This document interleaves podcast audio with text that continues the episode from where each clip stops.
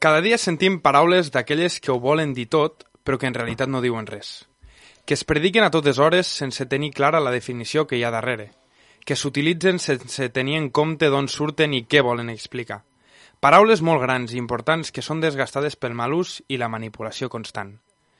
Per no oblidar, per no perdre enmig del fang aquestes paraules que han estat i són tan importants. Per tot això, em plau donar-vos la benvinguda a Escampant la Boira, un espai mensual en què intentarem separar el gra de la palla i resituar aquestes paraules tan transcendents per evitar que caiguin en desgràcia. I també tindrem moments per la música, la cultura i per comentar tot allò que ens envolta. Parlarem del que passa, es fa o es pensa aquí, a les Terres de Ponent. Així doncs, poseu-vos còmodes, relaxeu-vos i prepareu-vos pel primer episodi d'Escampant la Boira. Avui parlarem de llibertat. Som-hi, comencem! Ah!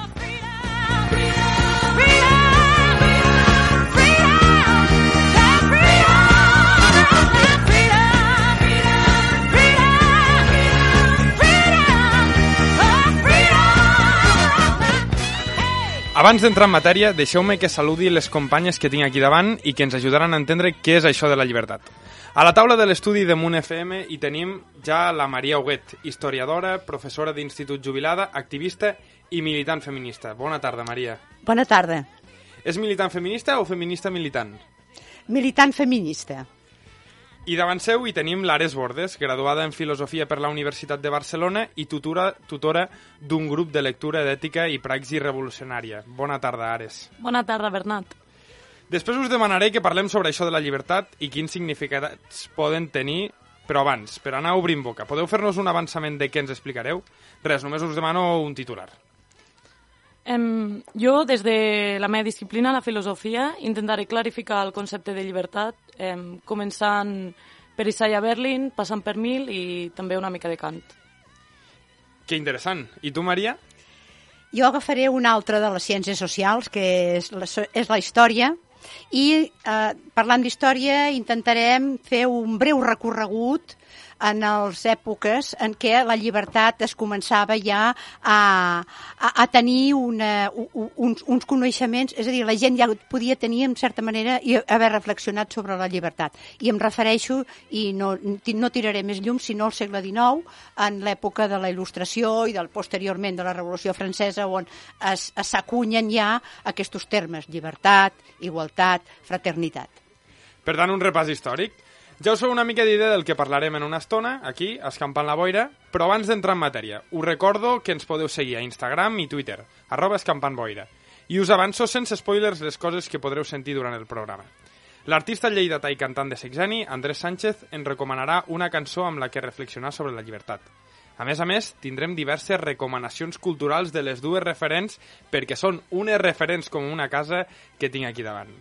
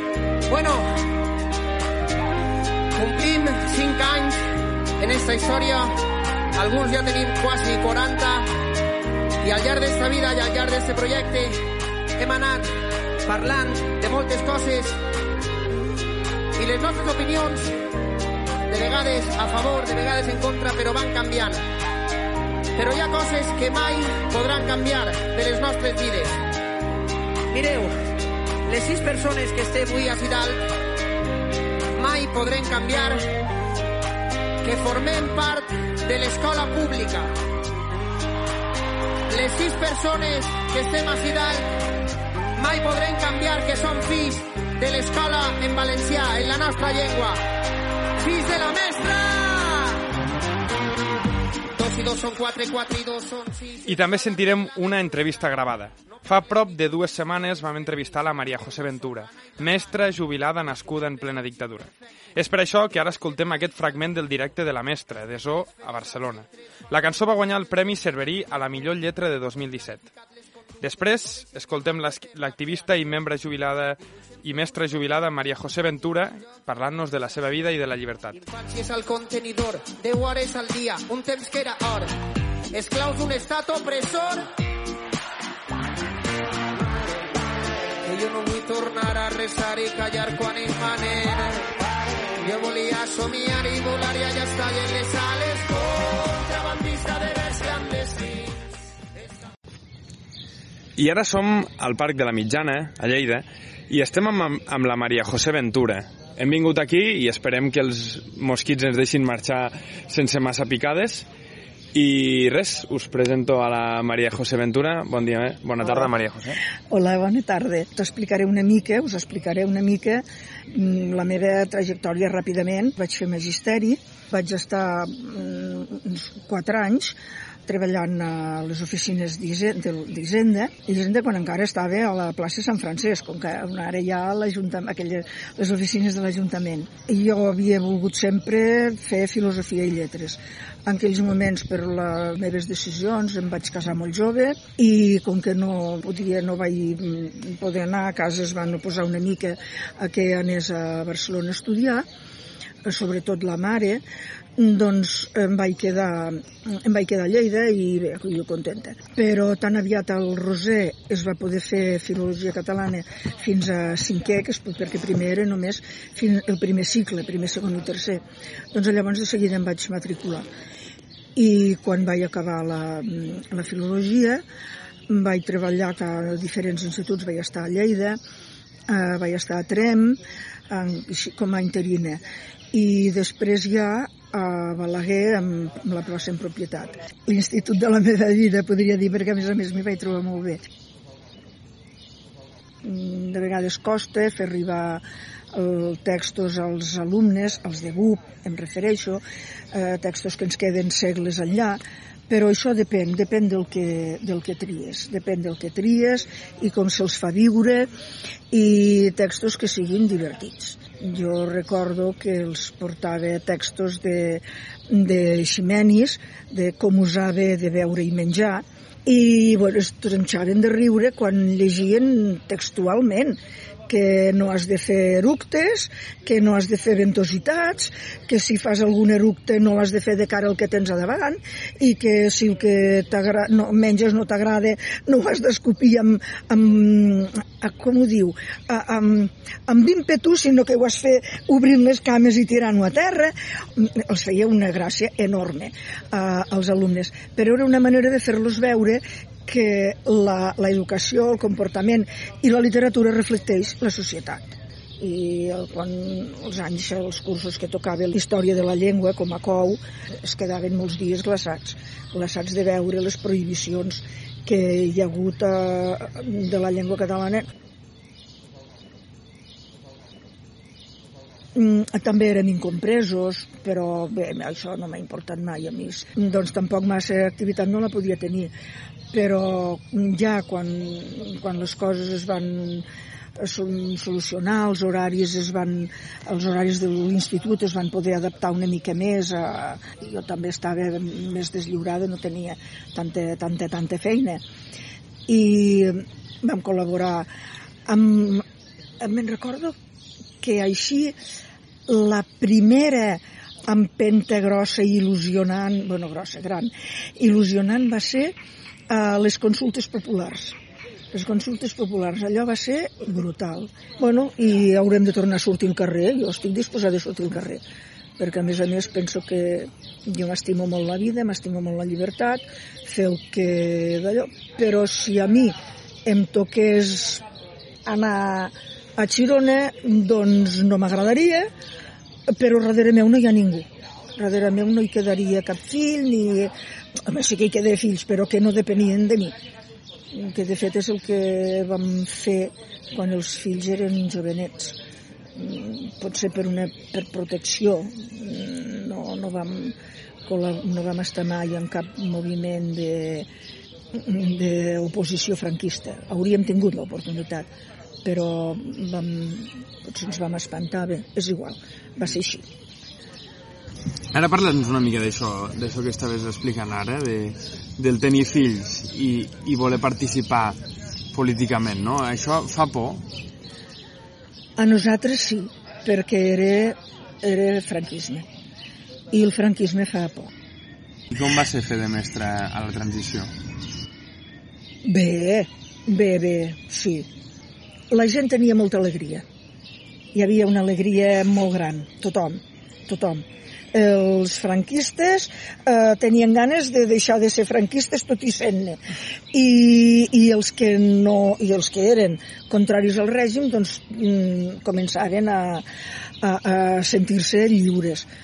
Tot i que no s'ha d'oblidar quan van votar la, la Constitució del 78 Esquerra Republicana no estava legalitzada. Jo vaig votar que no. Jo vaig votar que no i, des, I amb la transició et vas sentir més lliure tu personalment? Sí, clar, clar, clar. Més lliure amb la transició i tots els anys que van seguir, més lliure que, ara, que últimament, perquè jo tinc claríssim que a mi m'haurien agafat per, per lo que jo hauria dit a classe. Perquè jo hauria dit a veure, després, després de, el, no, el, no l'1 d'octubre, el 2 d'octubre, hauria dit el que havia de dir i el 2 d'octubre a la nit o el 3 d'octubre al matí m'haurien vingut a buscar. Vull fer una última pregunta, que és, creus que el coneixement ens fa lliures? El coneixement? Home, depèn del coneixement que tinguis, eh? Depèn del que del que vulguin ensenyar-te. Però això, però això ens han d'ensenyar a pensar. Però això ens han d'ensenyar a pensar. Perquè teòricament jo crec que hi ha poques ideologies que, són dole que siguin dolentes per si mateixes. El que passa que a l'hora d'aplicar-les eh, eh, patinem. Per això s'ha d'ensenyar, de, s'ha de, a, a tenir un esperit crític.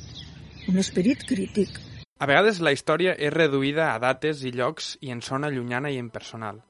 Però tota la història no és més que la història de les societats, de les classes socials, els grups i en última instància les persones. Cada programa tindrem un forat com aquest per repassar la història a través de la vida de les persones, fer memòria i lluitar contra l'obrit. Maria, Ares, què us ha semblat el que explicava la Maria José? Què en destaqueu? Bé, jo la Maria José la conec poc, però sí que crec que és una persona que té uns valors i després eh, té una, eh, avui en dia manté unes activitats precisament potser per tot el que diu que és aquesta, aquestes ganes de, de recerca de llibertat i de canviar el món.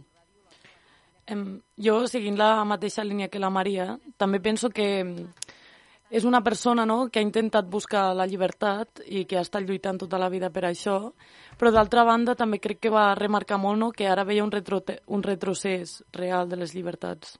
Sí, sí, clar, ens, ens comentava això, no? que amb la dictadura els hi feia por perquè tenien fills, no? després amb la transició es van sentir més lliures i ara eh, deia que com a mestre està pitjor que, que amb, amb la transició, que és una cosa inquietant, si més no. Sí, és inquietant perquè les, les circumstàncies mundials també han canviat. El, les, el joc de, de forces entre les nacions que volen dominar el món ha canviat. Uh -huh. I aleshores, doncs, eh, penso que s'ha desenvolupat aquest neoliberalisme o aquest capitalisme salvatge que ens fa retrocedir i aquí sí que perdem molta mostra de llibertats. Ja veig, Maria, que tens moltes ganes d'entrar en matèria i donar voltes a la llibertat, però abans escoltem la recomanació musical que ens fa l'Andrés Sánchez, cantant del grup Lleida Tassexeni, i en recomana... Quina cançó ens recomana per escampar en la boira? Doncs parlant sobre llibertat m'ha vingut al cap el boomerang dels Manel, perquè al final és un trasto que s'encai entre les branques i no torna mai, on alguns busquen quin és el cop de canell per fer-lo tornar i alguns senzillament volen trucar un professional. Així que ara que sembla que aquest cuell de boomerang que tenim al món comença a tornar i es desencalla, eh, vull parlar de la llibertat com una cosa que va i de vegades torne i que es sol escapar de les nostres mans. Així que, boomerang, de Manel. Bé i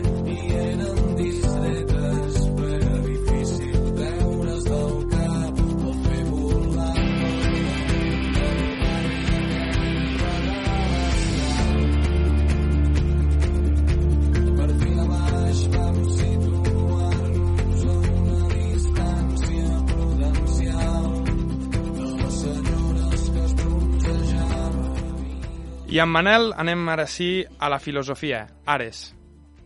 tanta ilusión porque la libertad ha triunfado nuevamente en Madrid. Gracias.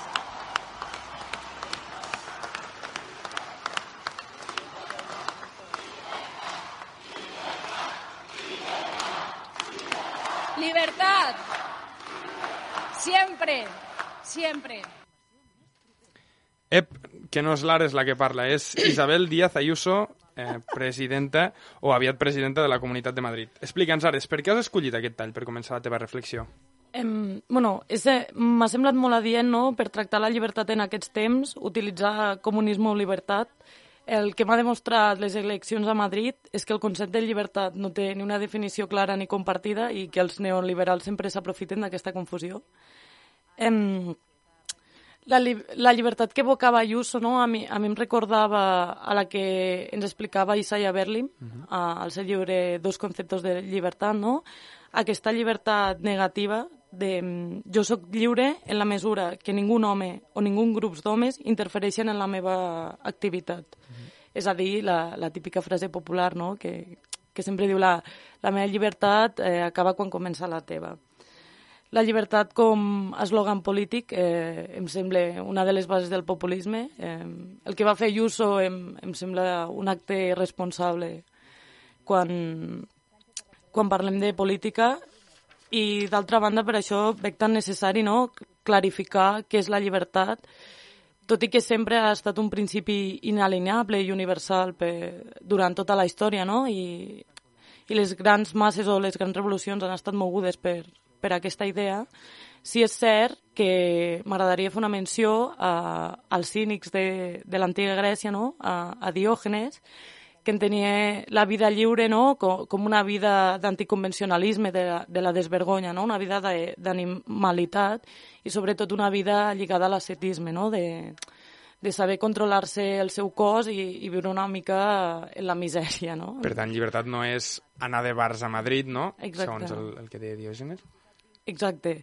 Eh, sí que és cert no? que hi ha molta gent que fa la distinció de llibertat moderna eh, versus la llibertat dels antics, que, mm -hmm que no vull entrar molt més a la llibertat dels antics, però sí que va molt encarat cap a Diògenes, no? I la llibertat dels moderns pot ser, en vez de ser una llibertat més, tan ètica o, o tan eh, lligat a la voluntat, no? Si els nostres actes realment són lliures eh, en base a la nostra consciència i no estem sota el determinisme causal ni natural, eh, la llibertat moderna sempre s'ha lligat més a, en termes polítics, no? De, sí que tenim el principi que eh, com llibertat abstracta, no? que és el que referia l'Ayuso, que jo eh, he estat llegint aquests dies per preparar aquesta secció i se m'ha estat impossible de, de trobar un autor que tractés de la llibertat en un sentit tan ample, sinó yeah. que sempre està com llibertat d'expressió, llibertat de premsa o delimitant no, amb aquesta llibertat negativa la llibertat positiva. En la llibertat negativa eh, bàsicament es fomenta no, en el trencament hobbesià de eh, aquest home individual, no, de todos contra todos, i per tant els nostres fins, d'alguna manera, eh, sempre han d'estar en continu malentès. I per tant, eh, no, s'han de limitar les accions envers els altres. Això és una mica no, l'ésser individual, l'ésser eh, egoista, que és eh, també el que segueix John Stuart Mill, no? que ja no diu que interferiran eh, uns altres grups d'homes, sinó que diu explícitament la societat o l'Estat, no? Que dins d'una societat o un estat regulat mai podrà ser lliure perquè està sota la interferència de, de la política o, o, o de, le, de la llei, no?, inclús. Per tant, eh, des, des d'aquesta perspectiva, lliure seria, per exemple, anar sense mascareta pel carrer, Exacte. ara que li queden quatre dies, eh? Exacte, exacte. O sigui, eh, crec que la llibertat negativa el que ens està dient és eh, feu el que vulgueu, eh, sempre i quan ho pugueu fer, no? Aquí vaig molt, després vaig, vaig rellegir-me les primeres pàgines del Capital en, en què Marx també diu eh, totes les llibertats no, eh, s'han venut a sol una, que és la llibertat de comerç. I jo crec que quan els neoliberals defensen la llibertat negativa, l'única que estan defensant és la de comerç. És a dir, tu ets lliure per autoexplotar-te, per consumir, per produir, uh -huh. i més enllà d'això no hi ha cap altra llibertat. Eh, bueno, Eh, una mica més a dir és que preguntes, no? Perquè a vegades la filosofia no ho hem de tractar tant amb afirmació, no? Si amb preguntes que m'he anat fent jo la recerca eh, durant aquest estudi. Que si la llibertat és eh, necessària en aquest temps, sembla una pregunta, no? Però vull dir, la llibertat com a abstracció, si és necessària, tornar-ho a ficar damunt la taula i fer un debat. Després de que si la llibertat d'alguna manera pot ser compatible, eh, en, segons el meu pare, sí, amb la responsabilitat i amb la igualtat, no? Uh -huh. de, quan parla de comunisme o llibertat, crec que el que ens està dient Ayuso és o la igualtat o la llibertat, no? Eh, no podem estar el comunisme com el vulguem entendre de la manera més eh, banal o popular, no? De, de la igualtat de, dels pobles, no? de la solidaritat, de la responsabilitat col·lectiva eh, i l'altra banda, la llibertat. Per tant, eh, seria possible mantenir aquesta igualtat d'intentar que tots siguéssim iguals o, o tenir una igualtat d'oportunitats amb la llibertat, cosa que com ens comentes, Ayuso es va desmarcar això, obrint aquesta llibertat del comerç, deixant que tots els bars estiguessin oberts i, i tot això, no? Sí, o sigui, jo entenc que la llibertat és... bueno, a mi m'agraden molt els autors comunitaristes, no?, i aquí me tiro a un que es diu McIntyre, que diu que la llibertat és compartida, és a dir, no podem entendre la llibertat com a individual, eh, més que res perquè estem tots en una societat, eh, estem vivint una vida comuna i, per mm -hmm. tant, la nostra llibertat sempre depèn dels altres i la vida és interre interrelacional i crec que això s'ha de tenir molt en compte al definir la llibertat. Jo més que intentar dir què és la llibertat, que per mi m'ha estat impossible, i crec que si ets bon filòsof pots fer poques afirmacions, he intentat veure què no és la llibertat, no? I això de obrir els bars i mm, fer el que vulguin per una pandèmia en nom de l'economia eh, no és llibertat. Eh, Amazon no és llibertat. Eh, mil coses així, vull dir per tant, ho lligues molt amb, amb la igualtat i la llibertat aquesta col·lectiva que la, la pandèmia de la Covid ha ficat més sobre la taula que mai, la, el lligam entre igualtat i llibertat. Sí. I tam, bueno, no, eh, sobretot també crec que la pandèmia no, s'han privat les llibertats individuals i, a més, la responsabilitat ha estat individual. Uh -huh. És a dir, eh, s'ha intentat no, evadir la responsabilitat col·lectiva o la, la responsabilitat ha caigut en mans de les persones i no en mans de les estructures d'estat i les institucions que eren al final qui estan fent tota la gestió de la pandèmia. Per tant, ni, ni és bo el obrir els bars desenfrenadament ni tancar-los a canvi de que no puguin arribar Exacte. a final de mes certa gent, no? D'acord, Maria, què, què et sembla això que ens està explicant l'Ares? Estàs d'acord? Ets més de Ayuso? En absolut. en absolut. Eh, jo estic d'acord amb, bueno, amb, que, amb el que dèieu i potser afinaria, afinaria per dir-ho d'alguna manera, eh, afinaria una mica de que quan hi ha vegades quan preguntem què entens per llibertat, la, la, moltes, moltes persones et diuen és fer el que vulguis. Fer el que vulguis no és llibertat, perquè fer el que vulguis vol dir que cadascú té unes, unes, unes necessitats, una manera de fer i que es pot convertir en llibertinatge, que això ja és una altra cosa. Per tant, la llibertat jo penso que, que és un estat, no és permanent. I la llibertat, com a paraula i com a concepte, històricament, que ara ja parlaré una mica més d'aquesta d'aquest concepte des del punt de vista històric, doncs la, la llibertat ha estat mm, moltes vegades rebutjada, ha estat amenaçada, ha estat eh, banalitzada, ha estat amagada, mm, i que, i que mm, en nom de la llibertat s'han fet les revolucions. Mm -hmm. Les revolucions que podem dir que han contribuït a avançar perquè revolució, la paraula en si ve de re-evolució, no, i llavors aquí sí que hi ha una sèrie de canvis en nom de la llibertat, de la igualtat, etc etc. Però eh, eh, parlant de, de, de, de d'aquests canvis revolucionaris pel que fa a la llibertat, a la igualtat, és a dir, aquests conceptes que es van acunyar en l'època, en, el, en el segle XVIII, eh, actualment han canviat, com deia l'Ares, eh, coincideixo amb tu, han canviat de... no de perspectiva, però han canviat de, de visió, no? Vull dir, la llibertat que podia entendre o veure un home en el segle XVIII no és la llibertat que podem entendre un, un home en el, sec, en, el segle, en el segle XXI. I entrant ja mm, amb, amb la part doncs, que potser a mi me toca una miqueta més, que és la meva dèria del, Espera, espera, Maria. Si ara escoltarem la sintonia de la teva secció històrica,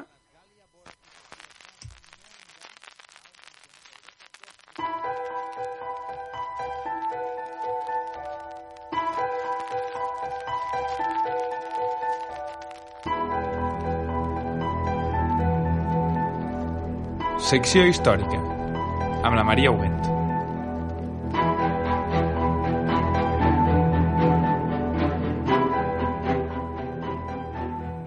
Ara sí, Maria, la teva secció. Ah, la meva secció... bueno, un, seguir una mica el que, el que estàvem comentant... Perdó el que estàvem comentant anteriorment pel que fa a aquests canvis revolucionaris envers a la, a, amb aquests conceptes que, insisteixo, mm, hem parlat abans, no?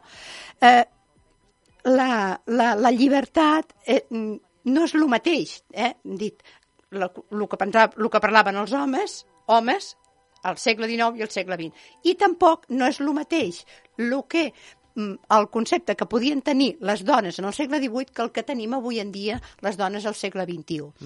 eh, certament, la, la, la, la llibertat tothom s'omple la boca, no?, en aquest sentit de que és, una, és, és, és un gran concepte, és una gran acció, és, és la meva vida, però mm, si anem a buscar, si escarbem una mica, veiem que això de la llibertat ens queda bastant lluny, tant a homes com a dones. Mm? Després també, clar, eh, des del punt de vista, des del punt de vista històric, s'han fet moltes coses amb el nom de la llibertat. I mm, no és que, que sigui la solució, però en nom de la llibertat penso que també s'ha portat i s'ha acunyat i s'ha redactat una sèrie de punts i em refereixo als drets humans. No és que sigui la solució la qüestió dels drets humans, sinó que s'han de remodelar, i suposo que això l'Ares ho té molt més clar. S'han de remodelar, s'han de tornar a reescriure, però sí que els podem utilitzar. I avui és el que, doncs, potser és la- l'apartat eh, sobre la llibertat en, i altres conceptes que tenim potser més clars a nivell mundial, que caldria, doncs, eh, que alguns es fomentessin.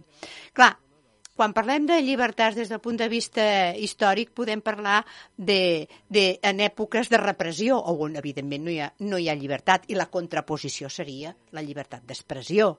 De quan parlem la llibertat de- d'expressió, la llibertat d'opinió, eh, també en moments de repressió eh, històrica, eh, també la, la, la necessitat de llibertat de culte, mm? de, de religió, i també en altres, en altres moments històrics en què és la necessitat que tenim les persones d'associar-nos, de el que dèiem abans, no? que tot està interrelacionat i necessitem associar-nos. Per tant, aquesta llibertat d'associació que també ha estat també molt, molt, molt castigada. I, evidentment, la llibertat de, de manifestació. La llibertat de manifestació en què qualsevol persona hauria de tenir i estar en condicions de poder exercir, aportar, mm, utilitzar, viure eh, la, la llibertat. I he trobat una frase del Joan Margarit que m'ha agradat molt i que mm, diu la llibertat és un estrany viatge. En aquest sentit de que és un estat, mm? un estat en què en moments de la vida de molts homes i moltes dones ens trobem en què tens aquelles petites engrunes, aquelles petites visions o aquelles petits llumetes en què et pots sentir lliure. Però anem una mica també a el que deia l'Ares, socialment, eh, comunitàriament, aquesta llibertat es veu limitada, lògicament, per al grup. I l'Ares ens deia que és necessari, no? Perquè si no, a vegades el, el viure en comunitat, ara amb, amb la pandèmia és molt clar, però abans també ho era, eh, no, no, no som lliures en una societat, però potser tampoc ho hem d'acabar de ser, no? No sé com, com ho veus, Maria, aquí, perquè ser lliures del tot potser ens portarien a no poder-nos entendre. De totes maneres, jo penso que això de la llibertat, no sé què en penses, Ares i Bernat, eh, penso que també és una, és una entelèquia, és una convenció. Vull dir, en moments determinats jo ara em, puc, em sento lliure, puc dir el que penso, ben dit, ben estructurat, tot el millor que jo sàpiga, però ara exerceixo aquesta llibertat. Potser quan surti al carrer no la puc exercir perquè m'hauré de posar doncs, la mascareta, no? Per tant, és, és, és una convenció que ens hem dotat Sí? socialment, com també la justícia. La justícia no per tothom és la mateixa, no? Per tant, són aquests conceptes que podien entrar filosòfics, històrics, eh, eh, antropològics, etc etc, que tenen un ampli, un ampli contingut. Però, insisteixo, m'ha agradat molt. La llibertat és aquest estrany viatge un estrany viatge de les nostres vides. Que, de eh? fet, eh, lliga molt amb, amb l'entrevista que hem escoltat de la Maria José Ventura, que deia això, que depèn del moment s'ha sentit lliure per participar políticament, també per la repressió, però perquè tenia fills, i potser després, quan ja ha sigut més gran, ens comentava amb les, amb les consultes populars i l'1 d'octubre, doncs s'ha sentit potser més lliure i més, més activa mm, políticament. Com, com ho veus, Ares? Com has vist el que ha comentat la Maria? No vull ser l'abogada del diable. Comença bé, això. Em, Sí. Bueno, m'he anat em, fent uns petits apunts, eh? eh? Bueno, és que jo crec, no?, que, que dins de la llibertat s'ha de veure el que és la llibertat eh, política, la efectiva, i la llibertat aquesta metafísica, no?, que sí que podríem dir que és subjectiva, que és emotivista, que es pot lligar amb un estat, no?, que, que és relatiu, que, que depèn de, de l'opinió de cada persona. Ara, després també crec no, que, que hi ha una llibertat material, una, una llibertat que es pot fer efectiva, no? que, per exemple, mm, sempre fico el mateix exemple, però jo no sóc lliure d'anar-me'n de viatge, però no? m'agradaria molt anar al Japó perquè realment no tinc els mitjans materials Clar. per poder anar al Japó. Llavors, per, per molt que jo em senti lliure no? i dono gràcies de poder travessar fronteres i tenir el passaport que tinc, igualment eh, la meva llibertat és limitada d'alguna manera. Llavors, el sentir-se lliure o no, eh, crec que també és el que utilitzen el populisme, no? Al final el que va fer Isabel Díaz Ayuso, de dir llibertat, llibertat, i tothom de pues seré lliure a la meva manera perquè mm, jo em sento lliure, no? I això també és un perill molt gran, perquè al final s'han de... La llibertat s'ha de tra mm, transposar a les institucions, a les polítiques, i no ho sé. Jo penso que, que l'Ayuso aquí parla de llibertat individual, ja ho has dit, no? De cada individu és la meva llibertat, no és la nostra llibertat. eh? I, i, i- aquí és on s'hi dona aquest equívoc fet expressament, eh? demagògic, Sí. I, Perquè- més, I més que apel·le potser a la sensació, com comentaves tu, no? A, em sento lliure perquè l'Ayuso em deixa anar a fer birres, que ara sembla que li estiguem dedicant al programa a l'Ayuso, però es pot aplicar a altres, no? El, ens deixen fer el que vulguem, però a l'hora de la veritat, com comentaves tu, Ares, no tenim, no tenim els recursos, no? Si us sembla, ara escoltarem una opinió en, en forma de cançó. De les cançons que han deixat de ser himnes mentre l'últim ideari ens escalfa els peus i ens ajuda a fer el sopar. La llibertat, la llibertat és treballar poc, molt poc, i llegir molt. I deixar el llibre sempre que puguis. És suprimir el prefix de la paraula sexual. És estimar, és estimar, és estimar i punt. És descobrir el plaer. Doncs una definició del grup Ovidi 4 amb la seva cançó Soledat Llibertat i mentre sona de fons aquesta cançó suggerida per l'Ares us posaré a prova amb algunes preguntes que vull que em contesteu.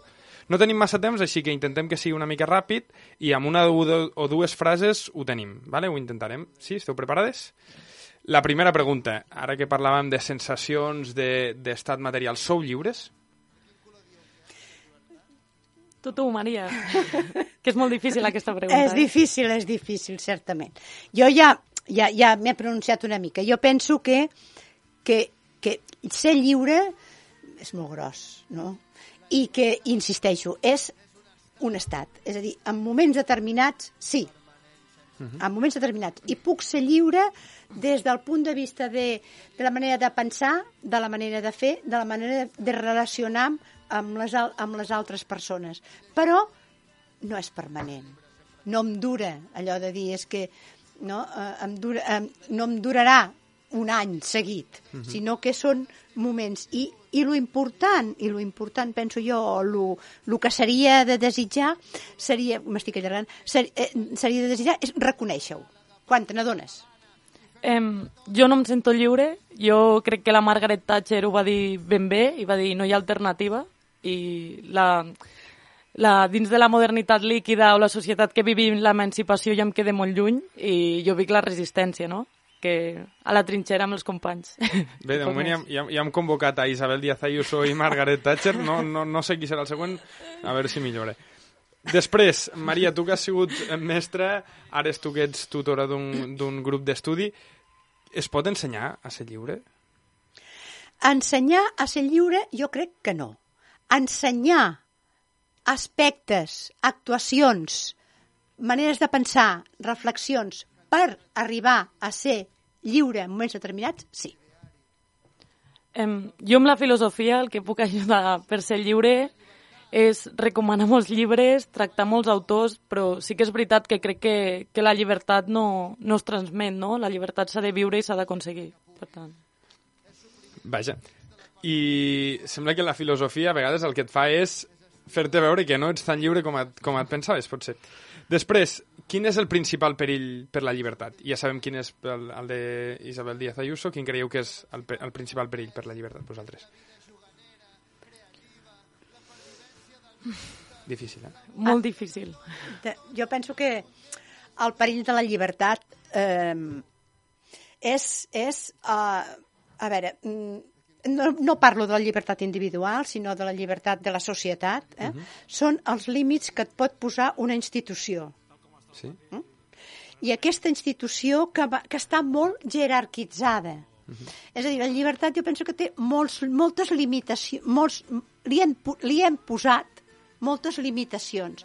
I aquestes limitacions mm, han deshumanitzat perquè hi ha altres limitacions, entre cometes, que podrien ser perfectament humanitzades.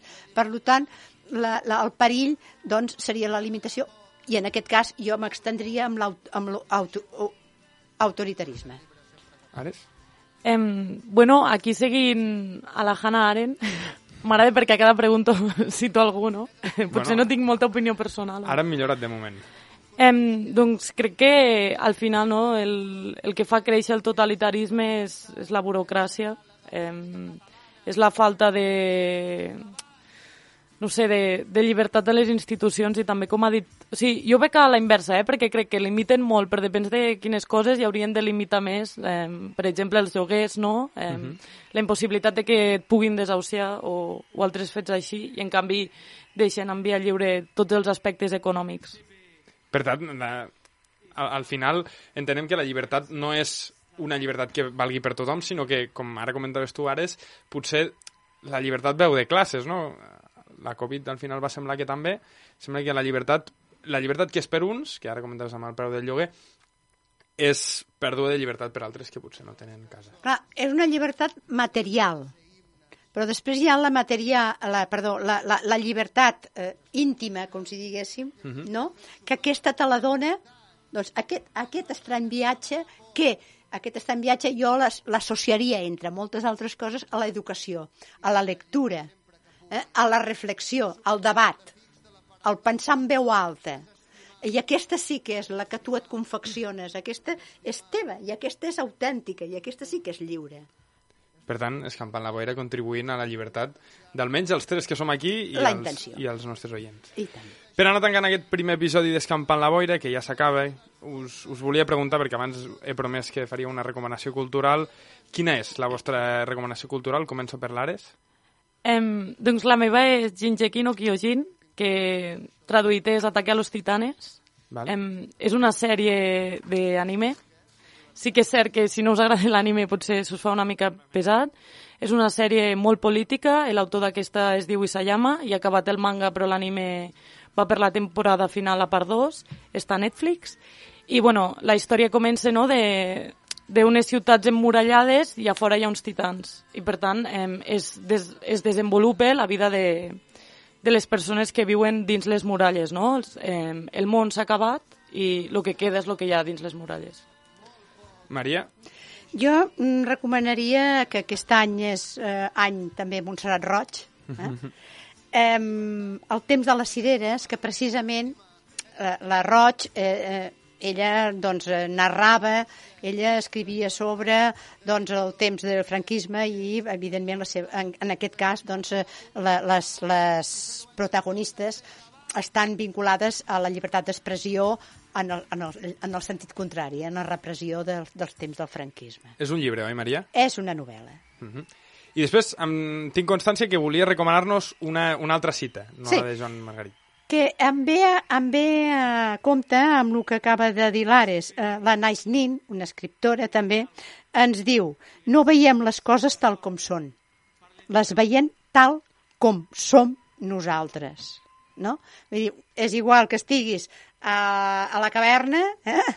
en les ombres com, com a fora, estiguis igual a la ciutat dels De monstres dels o de, titans. dels titans, no? Eh, veiem aquest món segons som nosaltres i segons aquest grau ínfim o més desenvolupat, evolucionat, vaja, educat de llibertat. I amb això tanquem aquest primer episodi, el primer del nou Escampant la Boira, i el primer el pròxim episodi el dedicarem a la democràcia. Així que us demanem que feu-nos arribar les vostres reflexions sobre democràcia a les xarxes socials i les comentarem al pròxim episodi. Fins aviat!